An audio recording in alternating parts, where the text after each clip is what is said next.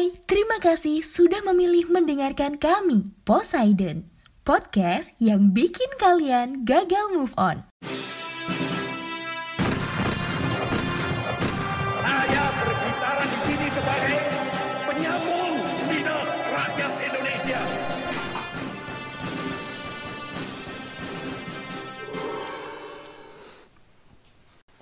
Halo teman-teman, sobat pendengar podcast sejarah Indonesia. Kembali lagi bersama saya, Saifuddin Alif Yang akan mengisi segmen History for Life. Gimana kabarnya hari ini? Nggak bosen-bosen saya berdoa semoga selalu sehat dan kuat. Dah, itu dulu aja deh yang penting di masa pandemi kayak sekarang ini ya.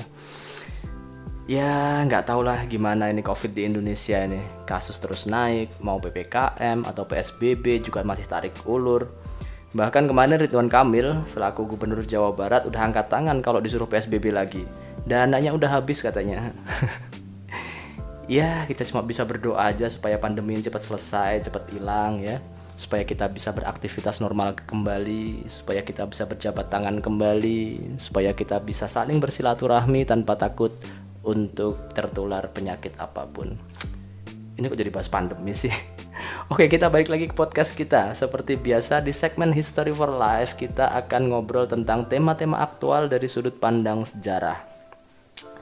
Dan tema yang akan kita bahas kali ini adalah seputar wacana tiga periode untuk jabatan presiden.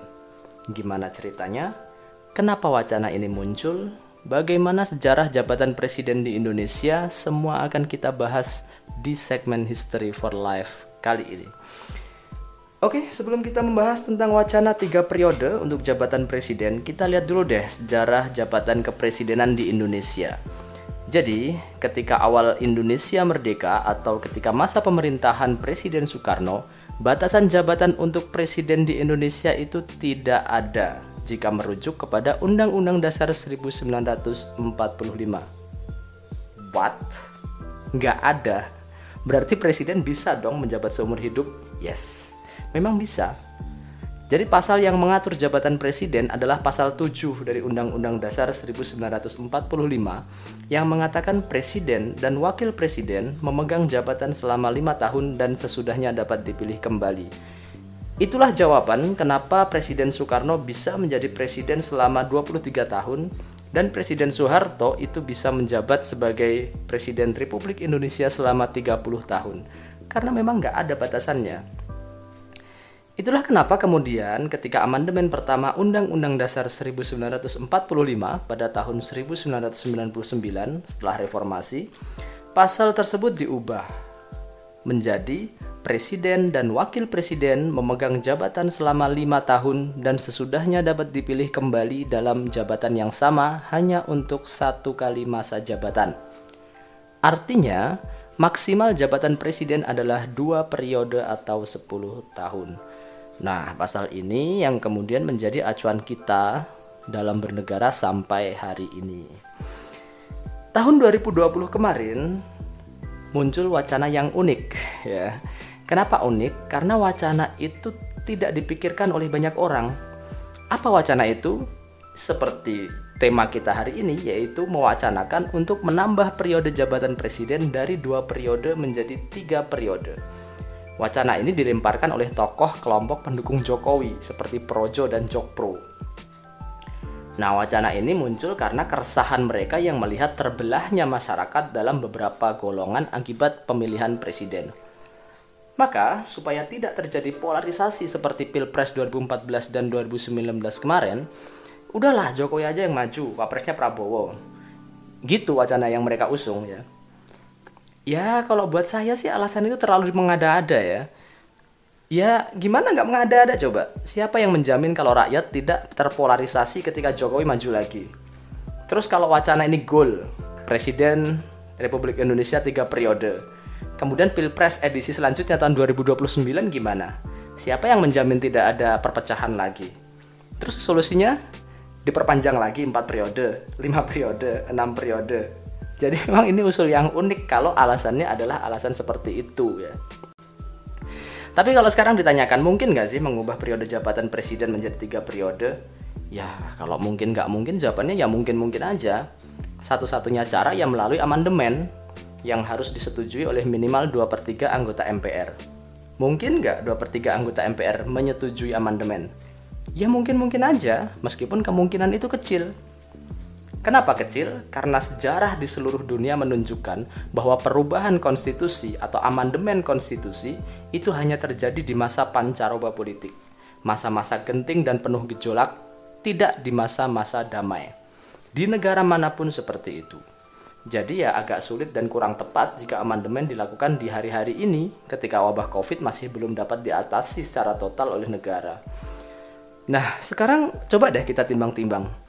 Tiga periode jabatan presiden. Ini wacana yang bagus apa enggak sih sebenarnya? Kalau dilihat dari sisi baiknya, saya sih nggak melihat kebaikan dari situ. Terlalu lama.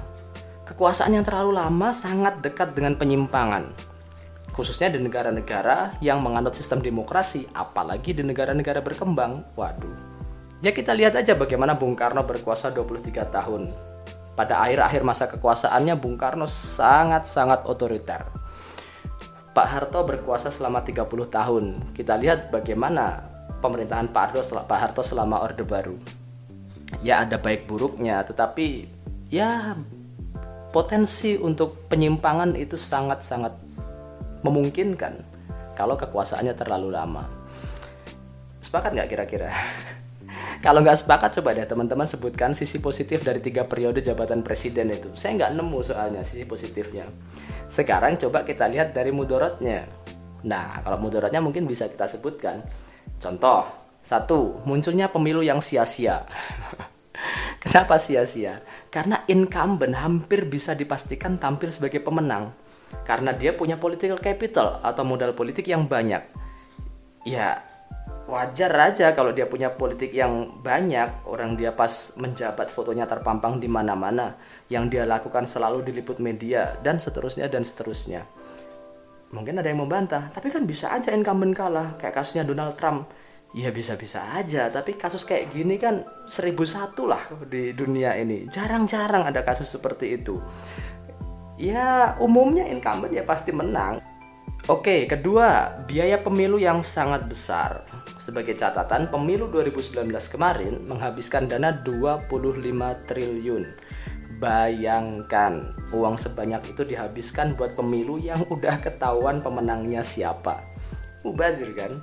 Kemudian ketiga, hilangnya potensi calon-calon alternatif untuk maju menjadi presiden karena kekuatan politik hampir bisa dipastikan akan condong ke incumbent. Apalagi untuk partai-partai yang dia itu tidak kuat berposisi sebagai oposisi. Awalnya awalnya tidak mendukung, tetapi ketika presiden yang menjadi lawannya ketika pilpres kemarin menjabat biasanya berbondong-bondong akan mendukung akan mendukung rezim karena banyak partai-partai yang tidak kuat untuk menjadi oposisi. Menjadi oposisi itu berat. Banyak yang tidak kuat ya. Kemudian tadi kan dibilang kalau wacana tiga periode muncul akibat terjadi polarisasi di masyarakat. Sekarang coba deh kita pikir, apa solusi atas polarisasi itu? ya memang nggak bisa dipungkiri ya dua periode pemilu yang lalu 2014 dan 2019 masyarakat kita ini terbelah menjadi dua pendukung Jokowi dan pendukung Prabowo kalau di media sosial itu kan uh, populer dengan istilah cebong dan kampret keras gesekan antara keduanya rakyat terbelah kita nggak mau kan peristiwa ter kita nggak mau kan peristiwa seperti itu terulang lagi capek kita dengerin berantem-berantem terus soal pemilu ini, ya enggak? Maka secara pribadi saya lebih condong untuk mendukung penghapusan presidensial threshold atau ambang batas pencalonan presiden untuk meminimalisir potensi perpecahan di masyarakat selama pemilu. Kenapa? Karena presidensial threshold ini nggak ada logikanya dalam sistem demokrasi. Apalagi presidensial threshold kita di angka 20% ya dulu alasan kemunculannya kan supaya tidak terlalu banyak calon presiden, supaya calon presiden terpilih itu memiliki kekuatan politik yang solid dan sebagainya dan sebagainya. Yang sebenarnya bisa dengan mudah dibantah alasan-alasan itu. Penghapusan ini sudah pernah diajukan ke MK. MK diminta untuk menguji apakah presidensial threshold itu melanggar konstitusi atau tidak. Dan hasilnya MK menafsirkan bahwa presidensial threshold itu konstitusional. Memang betul presidensial threshold tidak diatur di dalam konstitusi, tetapi juga tidak dilarang di dalam konstitusi.